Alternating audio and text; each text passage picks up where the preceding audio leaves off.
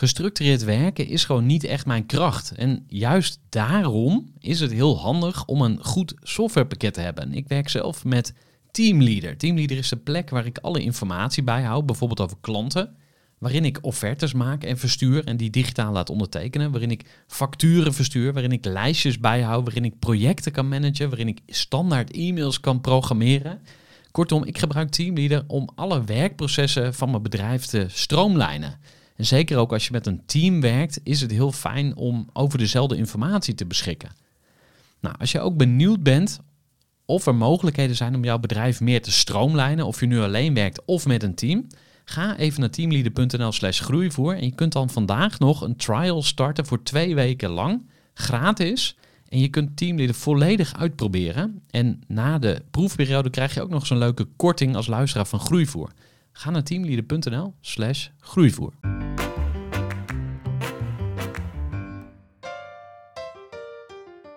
Welcome to a very special episode of the Groeivoer podcast. This podcast was recorded in English because I have a very special guest, and his name is Jay Asad, and he is founder of the Startup Kitchen. He recently also opened a new restaurant in Amsterdam. Jay was uh, a Syrian refugee. He came from uh, Syria to the Netherlands on a first class flight, KLM, and he had the passport, a fake ID of a French doctor. Well, very interesting story. And um, well, we had a meeting in the Bijlmer Bajes where he uh, rents a space where he has the startup kitchen which is a place where Syrian refugees can uh, work and develop themselves. Very interesting conversation because um, usually I do my interviews with uh, Dutch entrepreneurs, but now I got a chance to talk to someone from a different culture, which was very interesting. I hope you enjoy the conversation and I wish you all the best.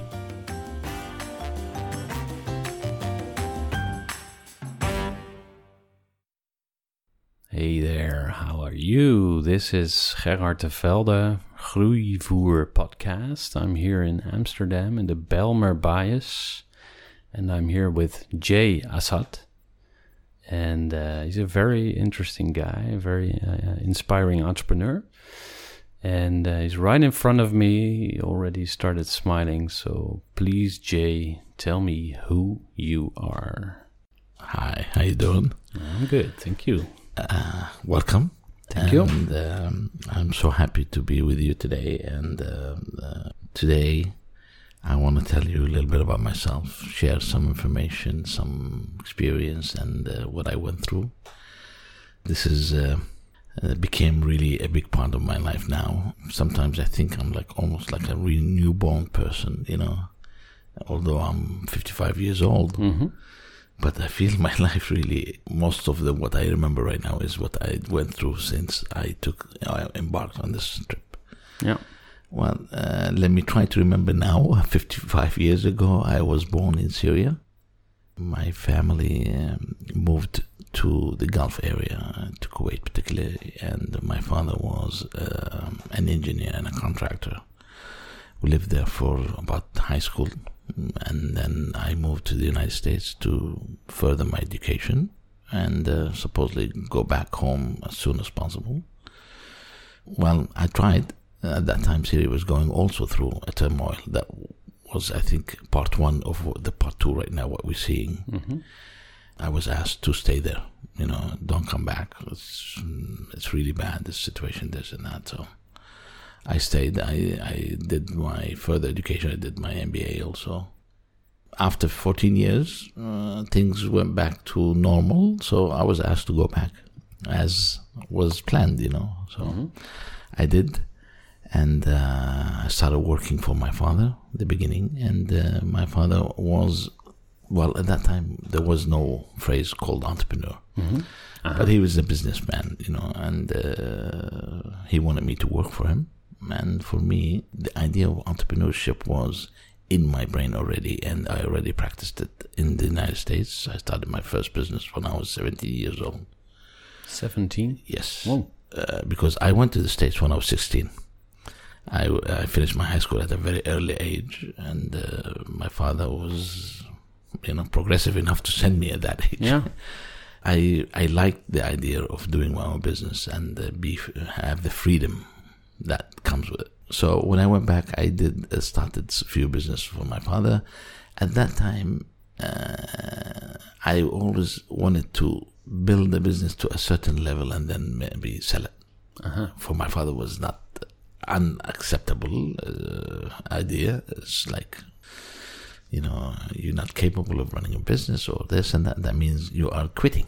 Mm-hmm. You know, well, for me it was not that. It just I got bored. You know? Yeah.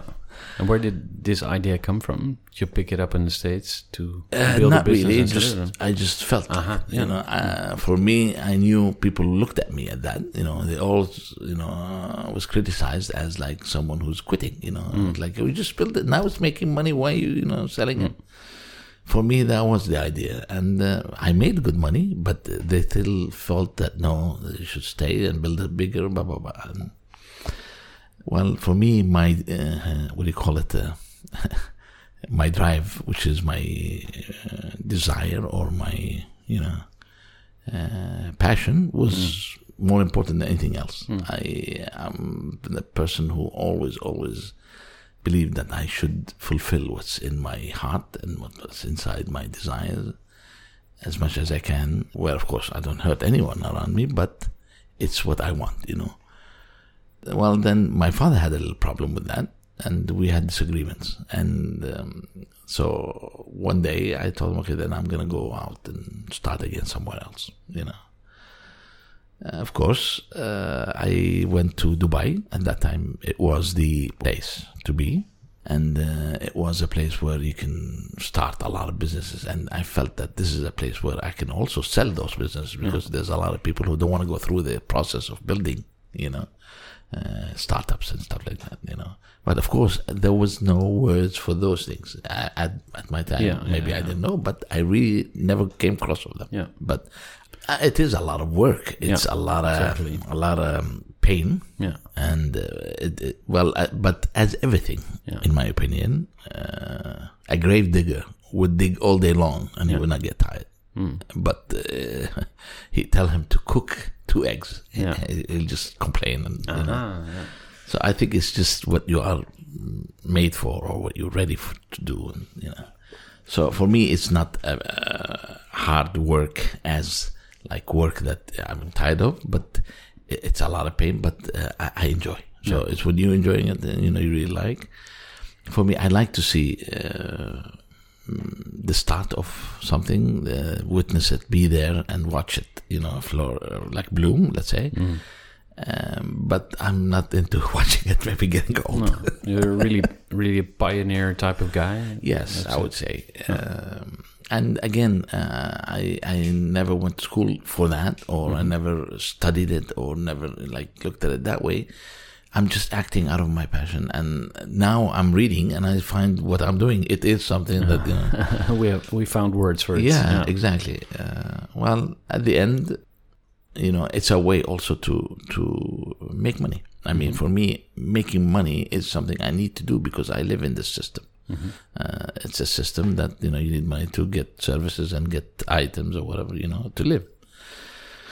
But it's not my drive. Um, I I like to have a lot of money, but not a thing that you know it's in my mind. You know, I'm thinking before. No, I think it just comes afterwards Yeah. by itself. You know. Did you have a lot of money at a, at a certain point? Or? I had money a lot all the time, but I never kept it. And that's That's a tricky one. yeah, and I think it. I always console myself and tell them this is the way it's supposed to be. It's just a big uh, wheel that is rotating, you know, and you have to keep feeding it. And uh, tell the truth, after the crisis that we went through, and now I look at my past, I feel I was completely and hundred percent right because if I didn't enjoy my life then, now I would be looking and say, "My God, I wasted all my life, and I, I built and built and built, and it was gone in five seconds." Yeah. Because I tell you, I lost a lot, but I don't care because I always enjoyed the building of it. It's, I did, never enjoyed the accumulation of it. Yeah. You know. What happened is, I'll come to it. I'll explain to you that you know my suffering or my pain was not because I lost material things. It's way, way beyond that. Uh, well, after living in Dubai for almost 11 years, in 2011, the crisis happened in Syria. Uh, I decided to pack my family and go to Syria and be there while a lot of people are leaving. Uh-huh. I wanted to be next to my family. I wanted to be on top of my assets because all my life, whatever I had was in Syria. Uh, you know, so So what part of Syria? I, I lived in Damascus. I'm from a city called Palmyra, uh, an ancient city, but uh, my connection to Palmyra was very strong. Most of my business was there. I invested heavily in uh, uh, hotel business because it was a tourist hub and it was the bottleneck of Syrian tourism, really. Well, I So went, you went to Syria? yes, instead I of- went back, yeah, Yeah. and uh, Weren't you scared in a way? Like, not really. Uh, No, scared. No, it's just uh, thinking uh, maybe this is like what we've witnessed other countries in the sense that uh, maybe one year of turmoil and then you know things will go back to or settle on something. It really went to different dimensions. You know, uh, I stayed till almost the end of 2015, never ever thinking of the idea of leaving. The problem is my business went off. I mean, probably the first month when this crisis happened, because in tourism you are the first to suffer. Yeah. everybody Uh, stops, you know, uh, booking and all of that. You know, but it's the rise of ISIS all of a sudden out of nowhere that really scared me. I saw a new player that has no explanation, no clear idea in where it's going to take the area because it's too big. As a, it's not a little group of guys that is going to affect Syria only, and, and it looked like uh, there's big players behind it. behind And, ISIS? Of course, of course, for sure, because these guys, um, I mean, had a hold of very big uh, data information and reconnaissance and So who, like who, who could be behind ISIS? Because we're talking about ES in the Netherlands, we call it ES, but it's Uh, yes, ISIS, ISIS. yeah. ISIS is out of every. you will see everybody claiming that they are from the opposite side or supported by the other. The opposition tell you ISIS was created by the regime. The regime tells you it was created by the West. For me, it's definitely created by somebody. But what I know for sure that was used by everybody. It was a tool that served almost everyone at some point. You know. And maybe these guys were entrepreneurs more than, of course, killer entrepreneurs or cold blooded people, but they are, in the sense, took advantage of opportunities and, you know, and they may be just building something, you know.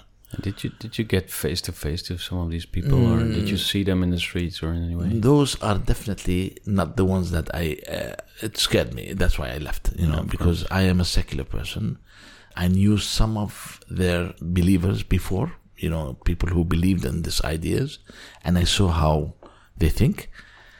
And that scared the hell out of me because uh, there's no way to talk to someone who is using uh, as whatever he argues as a, you know coming from a very superior you know so whatever you say has no meaning you know there's only one truth. Exactly. And uh, for me, uh, I was scared for my family because my kids, God knows what's going to happen to them, you know, with this kind of mentality.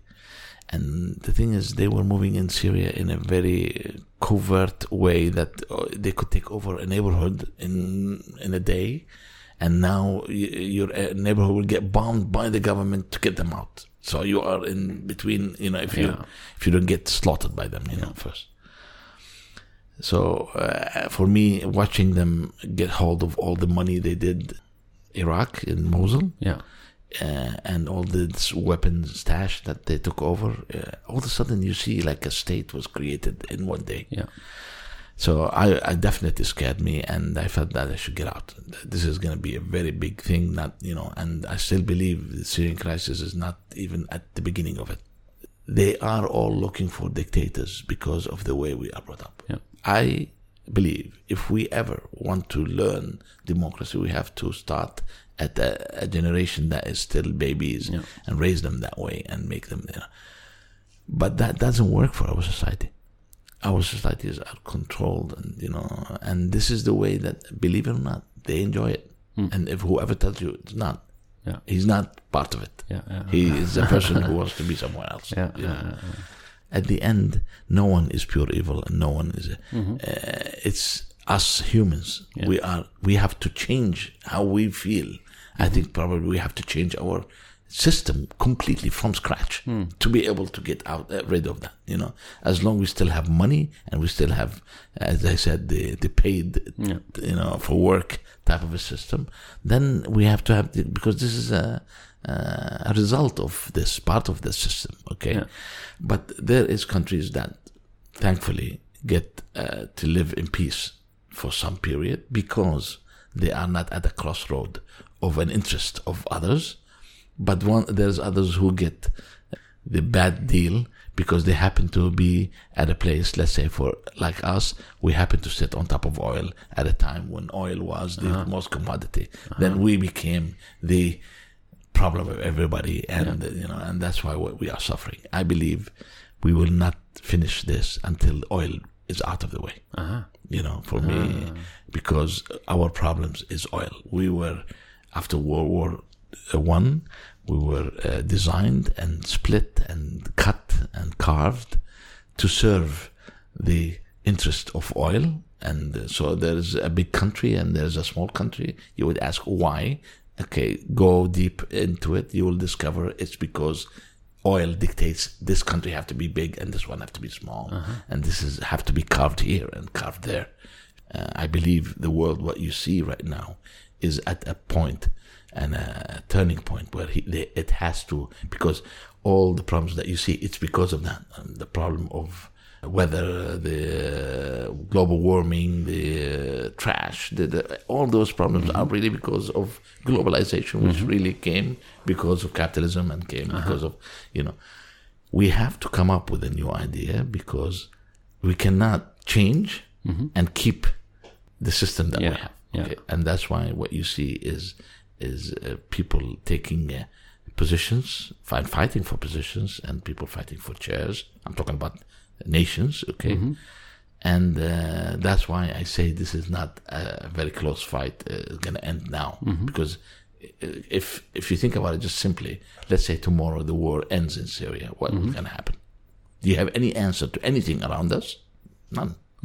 Everybody's in turmoil around Syria. Okay, I tell you, if you go and talk to a lot of the countries around Syria now, they are going through almost as bad as what Syrians are in the sense of feeling completely lost because they don't know what's going to happen. Even een korte onderbreking met een belangrijke vraag aan jou. Want wat heb jij geregeld voor het geval je van de ene op de andere dag zou komen uit te vallen? Wat gebeurt er dan met je bedrijf, maar vooral wat gebeurt er met jou persoonlijk en ook in financieel opzicht? Samen met ASR voerde ik drie openhartige gesprekken over tegenslag en veerkracht. En dat deed ik met Saskia, Vincent en Pieter. Ondernemers met een bloeiend bedrijf die van de ene op de andere dag niet meer konden werken. En die verhalen hoor je in aflevering 256, 257 en 258 van deze podcast. Als ondernemer wil je natuurlijk niet uitvallen. En daarom is het belangrijk dat je veerkrachtig bent, want voorkomen is beter dan genezen. En als het dan toch misgaat, is het fijn dat je iets geregeld hebt, zodat je weer snel door kunt met ondernemen. Wil je weten hoe veerkrachtig jij nu bent? Vul dan in twee minuten de veerkrachttest van ASR in. Ga naar asr.nl slash veerkrachttest ondernemers. Do you feel like you're, uh, in a way, a victim of uh, this whole big game? Because you suffered a lot. Yeah. Or how, how would you, uh, how do you look back on that? Because you, you came to Syria in 2011, you went back there yes. to be with your family. Your business was Doing great in 2010. We had a, Ah, a great okay, year. yeah, Yeah. Uh, tourism was at the peak. We've never seen a year like that. Uh-huh. Can you tell a bit bit more about your business when it was still going good? Sure. Uh, you see, in, in Syria, uh, tourism was uh, uh, an, uh, an upcoming business because uh, Syria is very rich in touristic uh, sites, and, you know, and it was an undeveloped business that there's a big, big chance to tap into it, you know, heavily.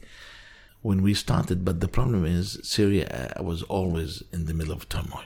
You know, so one day something happens in Lebanon, the next day we we get all those companies calling, "Oh, we're gonna cancel because something happening." like, Because uh, Syria was always part of a tour that's around the area, you know. Until almost 2009 and 2010, things really calmed down in a way that it peaked, you know, and and we started getting uh, before we had only two seasons a year, two months by two months. You know, those are the spring and fall, uh, summer and winter was almost dead. You know, so we lived on those uh, seasons. What kind of tourists? Uh, international, Yeah. uh, because of Palmyra is an international, uh, you know. UNESCO uh, yes, heritage. heritage, exactly. It was a, a business model that really um I enjoyed a lot because, in the sense, you had always a predictable uh, business in the way that you know exactly who's coming to you, probably months ahead. Uh, Did you employ a lot of people then? yeah, we had about uh, like 45 uh, employees. Yeah. yeah. It, no- it was not uh, a very big uh, hotel, you know. It was uh, almost like uh, 4,000 square meter, you know. Uh, we had oh, about 80 rooms. And we had another one that uh, was like a camp where uh, people uh, stayed in a traditional uh, camp, you know, and uh, they went through the. We did like a theatrical thing, you know. Of, Do you mean like tents and these kind yes, of things? or- yeah, in the in the desert, and they move with a caravan from one place to another, and then we stage like a, a raid by uh, Uh-huh. nomads, and they go through the. Cool. yeah, And did you play a role in that as well, like as one of the nomads? uh, no, I was far from there. Yeah, Uh, okay. I was in Damascus, and and that was in Palmyra. So, Uh-huh. But I used to go every time, from time to time, to visit. You know, but, uh, Mm-hmm. but did you have like a good manager uh, Yes, taking course. care of this whole thing? Yeah, yeah. For me, that was not uh, a business that I took care of. I just So invested in. Yeah. Uh-huh. because my work was in Dubai. Yeah. you know, and uh, and my my main business was contracting also because my father was a contractor Mm-hmm. also. So I did uh, build um, what do you call it um, recreational projects, Mm-hmm. uh, swimming pools, uh, golf courses, and stuff like that. Yeah. Yeah. Uh, but uh, when I went back to Syria, as I said, you know, I just didn't do anything at that time. You know, I started one startup. It was a um, donut shop. The problem is that at that time I came to the junction of deciding: uh, do I have to stay or leave? You know, and uh, the decision that we took with the family that we have to get out. That's 2015. The end of 2014. Uh-huh. Yeah. you know. And uh, I sat with my family. I talked about it, and uh, the main thing I had to put in front of them, telling them that this is not a trip. This is a flee. Uh, Exodus. Exodus. Yes. If we go, that's it. You know, we cannot. We have to burn our ships because uh, uh, I, uh, I, when I calculated it in my head, it, it was not making sense that I'm gonna go for two, three years somewhere, make my kids change everything, and then go back again to Syria, and that would be normal. Yeah. All of a sudden, I'm like scrambling to Yeah. start making uh, research and understanding what where we're gonna go because you know I wanted a place where, for many points, I had to think of. First of all, was work, and if I go, I don't want to live off charity or subsidies. The problem is Europe is not an English speaking country, and I know to do work at a level where you are used to and to at least close to your standard of living, you need good language. You cannot do it with speaking words. You, you can- do mediocre work hmm. where it's not hmm. important. Yeah. You know, your position is not important. Yeah. So I, when I read and I, I read how much English is a big part of society here, how much people love to speak it. It's no problem, you know, and how it is an international city or country is becoming, and how important it is in the playing the role it's playing around. So, uh, and then of course the other point that was important to me is the social system of the country. You know, I wanted to be at a country where I would not be, what do you call it, like uh, isolated, put aside, or uh, live in uh, depressed areas where because I'm a refugee. Yeah. then I have to be here. You know. They have certain places in uh, provinces where you're quite far from the city. Yes. Well, Like this is refugee temporary. camps. Are, Yeah, but those are temporary solutions. Ah, yeah, okay. These are uh, waiting for you. I went through them. Yeah, you know. okay. But these are uh, stages that you go through until you become. But Yeah. once you get Yeah. admitted, Yeah. then you have the right to live within the people. yeah, you live in an, an apartment next to a Dutch person whose his kids kids are going to school, the same one that you kids are going Yeah, to. Yeah. That is so humane that this is what really attracted Mm-hmm, me the most. I wanted not to feel at the bottom of the ladder, yeah, Yeah, and yeah, yeah. isolated. You know, I wanted to be normal, I, uh, you know, and given a chance to, if I have something Yeah.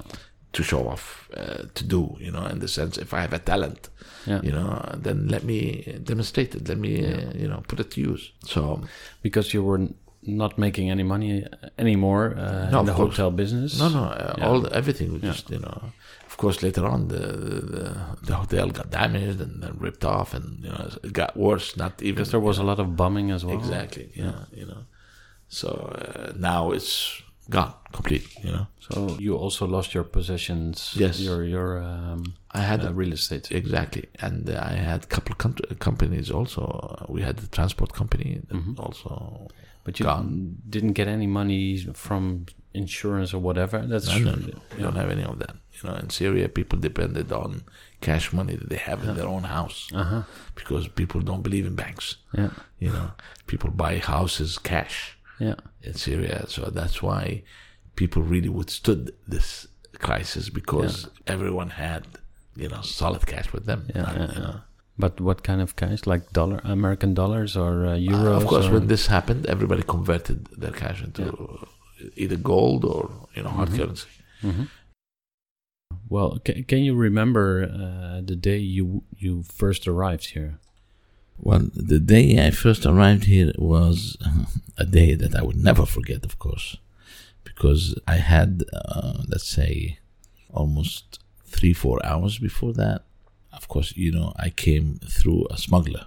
I was lucky enough to get the smuggler who promised to fly me direct to Amsterdam, where I could not find one like that. Everybody told me, oh, I'll take you to Italy only or to France those are easy country to fly to and then from there you have to take other means to reach your final destination mm-hmm. of course that mean that meant that i could get caught in those countries and then fingerprinted and the trip is over for Yeah. So wherever you get fingerprinted, that's uh, Where you stay. asylum. uh, exactly have to start the process so uh, i got this uh, smuggler who said i can fly you to amsterdam and first class on klm Huh?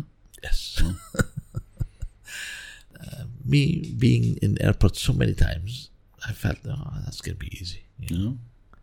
The problem is, once I was there, I did every mistake in the book you can imagine. I was so freaking out and, and nervous. It was unbelievable. I did not believe that I was safe until the plane started, you know, picking up. Because even when it was taxiing, I felt I could stop it any Yeah. minute. you Yeah. know. yeah. But luckily, when I arrived to Amsterdam, I tell you that was a feeling that was just unbelievable. You know? Of course, I still I was thinking of my family too because I, now I have to think of how I'm gonna bring them. Yeah. But uh, that night, I didn't uh, go anywhere. I picked a very nice hotel. Uh, I, I took a, a warm shower and then went out, had a nice meal, and uh, I enjoyed a very good night in Amsterdam. Yeah. Before the next morning, I went to Ter Apel to hand, you know. Mm. Ter Apel. Yes, I had to go submit my papers there, Yeah. and I gave them the fake documents and tell them exactly what happened because I wanted to, you know. Ah, so then you can come clean and just Yes, tell the truth. exactly. And how how did they respond? Like, Because the lady who's questioning me was like a a, a block of ice, I mean, Uh-huh. you- no emotions at all. Very professional. very trained. Yeah. yeah. At the time of that happening, believe it or not, even for a second thinking about that, you are at a survival mode. Yeah. You, as a refugee, I believe, and I say it, is one probably the most resilient creatures you could imagine. He is so determined because it's his survival is mm-hmm. on stake, you know, and uh, you you believe you can move mountains. You're, you're Superman. Hmm. Nothing stands in front of you. Seriously, this is how hmm. you get that because you want to make it. You know. Yeah. Of course, once you arrive, then it's also all the engines have to turn Yeah, off, you know. also, And then then you start thinking, what have I done? What's gonna happen? What is Going this? to Yeah. Yeah. Thinking about fairness, when you go through this, nothing becomes fair anymore. Everybody is a victim. For me, I never look at things as fair or not fair. Mm. I think it's just uh, points and junctions in your life. You make decisions, but it's not always you Mm. who determine these things. But it's the life, and that's how it is. You know. So you had to wait a year, and then you were finally reunited Yes, with your family. Of course, uh, but uh, maybe I should uh, say something about that uh, during my stay in the camp. It's when I started thinking about my work. Mm-hmm. What am I going to do? Uh-huh. Because I started reading and talking to people, and I understood the system here. Would it would take years before you are allowed to work? Because now you have to sit in this camp, wait until your family comes, then you have to wait till be assigned uh. Then you have to wait to get a house, and then you have to wait to uh, learn the language, okay, and then to start going into searching, and and you're talking about five years Yeah. sitting, living off subsidy. Yeah. That was a no-no to me, and it was a thing that I disca- uh, d- decided and took uh, steps right away that I want to change that. I can't, you know. The problem is, uh, I went out and I started even uh, talking about working as a volunteer, Uh-huh. and they didn't accept me as a volunteer. Would you believe that? That sucks. You know, they told me, "Sorry, you are not speaking Dutch." Uh, then I said, "That's it. I'm gonna start my own." Mm. And I developed this idea, and then I met this lady called Fleur Bakker, a Dutch lady who came to visit the camp. And I sat me and her. We, I started talking to her about what I have in my head that I want to do something like that. I want to help refugees. I started a page, you know, on Facebook. I started reading laws, regulations, and uh, put it, posting them in there Uh-huh. and trying to encourage guys that you know let's find a new path for us Yeah. you know she told me about what she has in her head she wants to help refugees get to jobs Yeah. so we immediately clicked Yeah. and we decided that okay let's start a foundation together Mhm. that's when uh, we started the refugee company and uh, we both believed if we keep talking and Nothing share, will happen. nothing will happen. Uh-huh. We'll end up in years uh, having meetings and you know. So we decided let's just do it, work at anything, and then take it from there and learn and you know develop. For me, I believe that you know, as I said in the beginning, everyone has some kind of a talent, Mm. but this guy needs to show off his talent. Yeah. But the most important thing that he lost, me and every one of us, is our network. Yeah. It's not material things. We were people who had a name, who Yeah. were known Reputation. exactly, and- and a history that talks about you. yeah. All of a sudden, you're just a number, Yeah. and people can listen to you, and you could talk. "Oh, I was doing this and doing that, but it's still talk. Yeah. But if I was, let's say, a carpenter, and I can show you what I used to do with my hands right Mm-hmm. yeah. away, Yeah. I don't have to talk anymore. Yeah. You know, Yeah. you you would see it, right? Yeah. You know. So uh, we were lucky to get a space at the, the student hotel. Mm-hmm. Mr. MacGregor is the owner, and we met him one day, and he was like, Cool. "Listen, I have a space that's empty. Come Yeah. and use it for Yeah. six months, maybe." And it was our nucleus at that time, and uh, we started, you know, receiving people. It was a place where we felt a little bit home. Yeah. We would sit there and just talk, and you know, meet other people. We got a lot of Dutch people come visit us. Uh, a lot of refugees come and spend the day there. So it was a place, at least a meet place, and from there, believe it or not, a lot of contacts was developed Yeah. for me, the thing, the idea of networking, I start. I it was important to me. I needed to start meeting people Yeah. and talking to them about what I have in my head. Yeah. At, at the beginning, I had very big plans. I immediately start thinking of building venture fund Mm-hmm. to finance those projects for refugees. Uh, the, th- the problem is I was only able to raise about two million, and that was not enough because I wanted to pay myself Mm-hmm. because I was, you know, helping others to work, and I'm not working. That did Yeah. not make sense, you know. So if you have two million in funds, Yes, you cannot uh, get. uh, the funds uh, model usually is that you pay the management two and a half percent of the Yeah. total. Exactly. Yeah. So it was too small amount, uh, an amount to would not uh, have paid yeah, me, okay, you know, and I needed to be able to pay myself, you know. So I, I changed the idea. I backed up, you know, and I uh, decided to start my own business. And through my my business, I thought maybe then I can help others, you Yeah. know. The problem is, I wanted to think of should I help uh, people with different industries or should I concentrate on one? because of the problem of that, I wanted to work first. I thought, okay, then let's concentrate on one, Yeah. and so it will be a place where I do my work and at the same time, you know, do that. And uh, with all the other ideas of the food industry being an easy uh, industry to penetrate, well, it's true, you, it's very difficult to scale up, Yeah. but it's easy to penetrate. yeah, you, know. can exactly start it up quite easily. Exactly. Yeah. and uh, the guys have a lot of this talent. A lot of uh, Syria was very big in the food industry, and food is for us as Syrians, it's a very important Okay. part of our life. Take the stage, or tell me about the food later. But I want to get into that as well. Sure. Yeah. Uh, so that's where the idea came to me that you know I should do something with the food industry, especially that uh, if I make Syrian food, I will not be competing with anyone. Uh, it's my game, it's my play, you know, uh, and uh, we will not be competing or uh, taking jobs from anyone, you know. So uh, I felt that maybe I should start a catering company, and I was lucky to get this kitchen uh, at the Bijlmer Yeah. and uh, now the kitchen we use also as an incubator for other uh, startups. Yeah. Uh, with my experience as a, st- startup professional, I help these guys with their ideations, with their, their uh, business plans, and you know all these st- steps, and then uh, they can use the place as an experiment uh, or even to launch their business. Yeah. And then I can connect them to uh, people who can help them with the financing also if they need, you know. Uh, we have started uh, about six startups out of here, you know. So what's the name of the?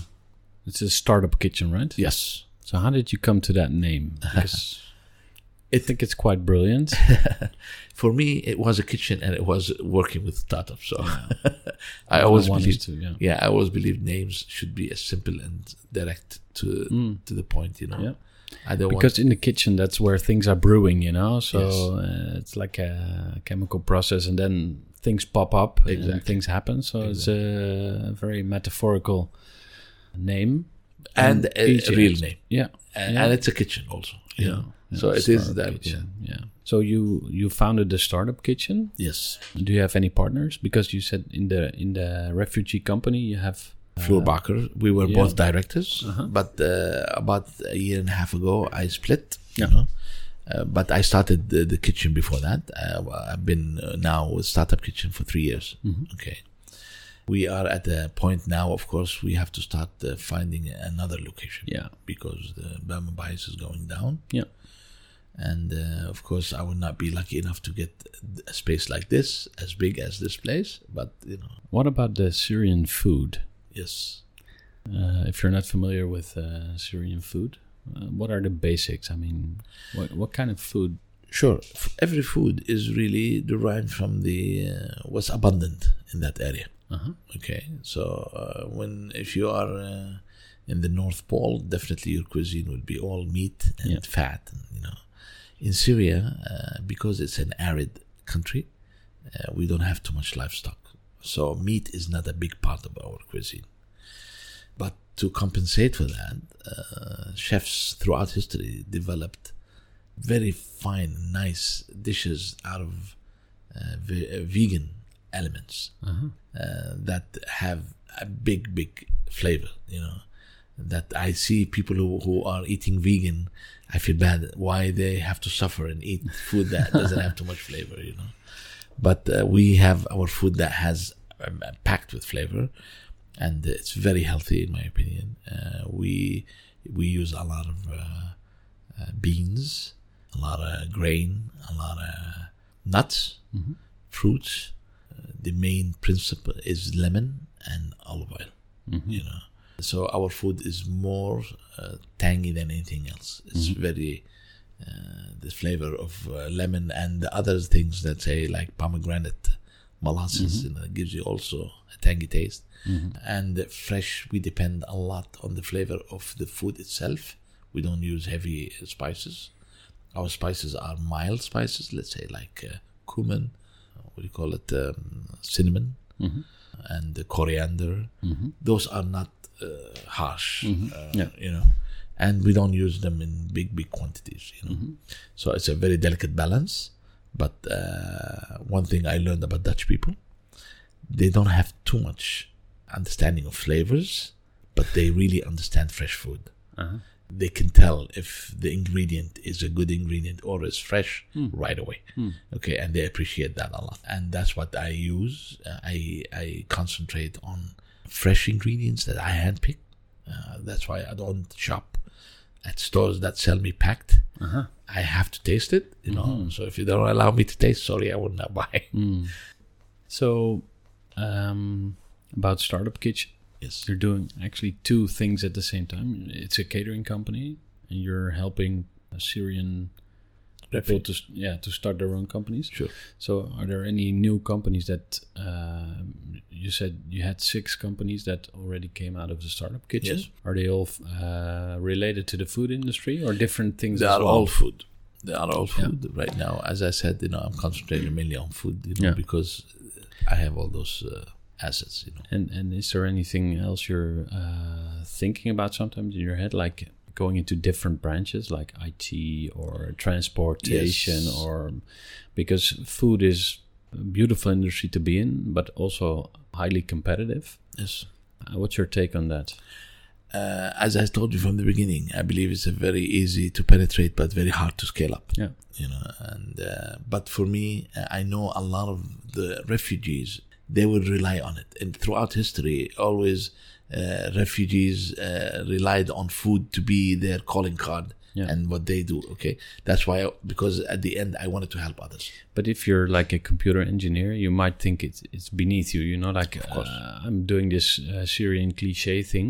yes and um, this might feel like I'm I'm working actually below my level. So wh- uh, how do how do people deal with that? I agree i'm not here to help everybody i thought of helping the ones who are in that part but w- your argument is correct because i am one of them Yeah, I was uh, actually I am a project manager. Yeah. You know, uh, by profession. Uh, you know, I ha- I studied construction management Yeah. in the states. I have an MBA and Yeah. I have a PMP also. So uh, so how do you feel about it? Because I'm I'm I'm not judging, but uh, this is a uh, the way people think. You know, like, I agree, and this is what we uh, a lot of the guys who are highly educated or with professionals have a problem with, in the sense that they don't get chances with those things high. Yeah. Except the guys with the IT, I believe they are recruited right away, anyway. right away. But for me, I personally now I'm thinking about it uh, to go back to my uh, do the project management type of a thing, you know, because this is what I really also enjoy, you know. Mhm. So, is there any um, anything a, a Dutch entrepreneur can can learn from you?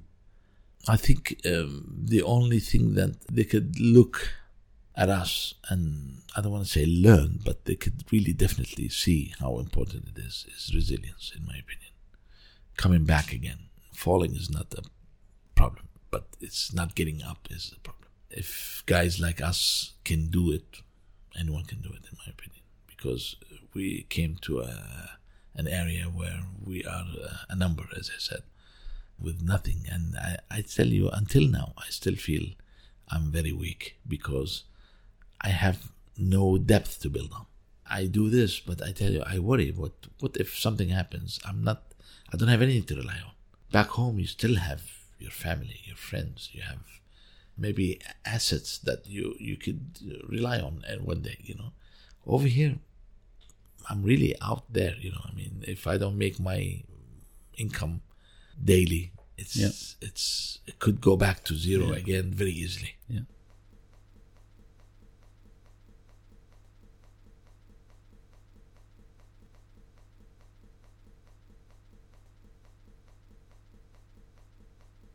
So you're a father of four kids. So how motivated are you to build up something from the ground?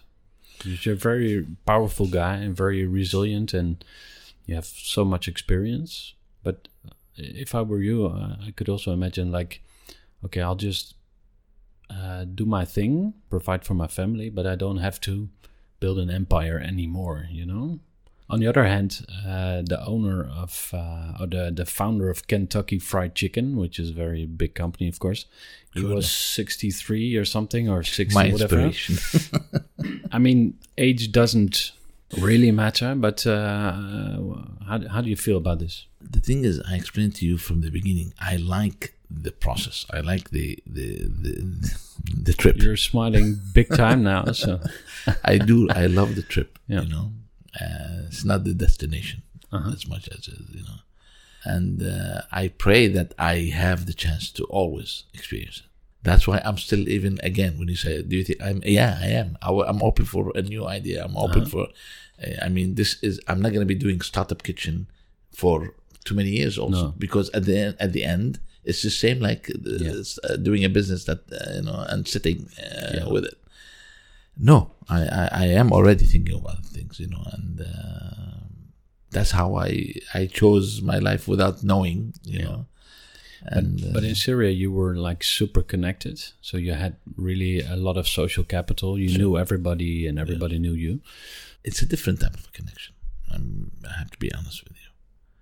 In Syria, the connection that I have is not one that moves on or like over here. I'm still a weak person at the end. You know, people wants to sit and talk to me because they find something interesting, or you know. In Syria, people know me because of me as a in history as a, uh, it will not change uh, because uh, let's say over here people know me uh, some people knew me in the beginning oh this is a refugee who just came to this country or maybe he's saying something interesting here or i am interested to uh, invite him to come and talk let's say because it serves our you know. Great story. yeah but exactly. But then things move on. There's another one who has that. They lose interest, and then yeah i'm in sure. a way, or yeah, yeah. Uh, it's because the interest is on that part. It's not Yeah. really on me personally of complete. Yeah. So it's really completely different, and I I know that, and I don't have any fake ideas about it, Yeah. you know because I tell you I met some really influential people Yeah. since I came here, but I, it's not like the way I knew influential people back in my country. So, um, So this is what I really believe in. well, it was very lovely talking to you. So, if people want to um, get into business with you, what what kind of uh, offerings do you have? Like, what kind of services do you provide? And how can people uh, get in touch? Uh, first, we offer, of course, um food catering with drinks, and um, we have also cooking classes, and we have uh, team building uh, sessions, and uh, we do catering also to your place, not necessarily at our place. We can have even a private chef service, and uh, the way to contact us is best through the phone. My phone number is 06 333 33092. That's easy to remember. It's a beautiful number. and uh, you guys are also on Facebook, I guess. Yes, we are on Facebook, uh, Startup Kitchen Amsterdam, and our website also is Startup Kitchen Amsterdam. And um, how about LinkedIn? Yes, but uh, through my personal account, Jay Asad, and uh, I'm very active on it. Yeah, Yes. because I noticed your picture. And um, um are you a keynote speaker as well? Because do you use your uh, story to inspire people? Yes, uh, we do uh, offer like speaking services also, so, and uh, we cover areas of politics, inclusion, uh, about resilience? I Yeah. mean, that's a that's a also powerful topic as well. I believe so. Yeah. Yes. Wow. Well, thank you so much, Jay, and um, to see you again in the future in a different location. Thanks for the great coffee. Maybe uh, if you have some food leftovers, just give them to me. Okay. Sure. Okay. Thank you, Craig. Thank you. Appreciate Thank it. you. That was an interesting conversation. I hope you enjoyed. If you uh, liked what you just heard, please share with your uh, entrepreneurial friends. Please drop by for a new episode of the Groover podcast. Peace out. Gestructureerd werken is gewoon niet echt mijn kracht. En juist daarom is het heel handig om een goed softwarepakket te hebben. Ik werk zelf met Teamleader. Teamleader is de plek waar ik alle informatie bijhoud, bijvoorbeeld over klanten.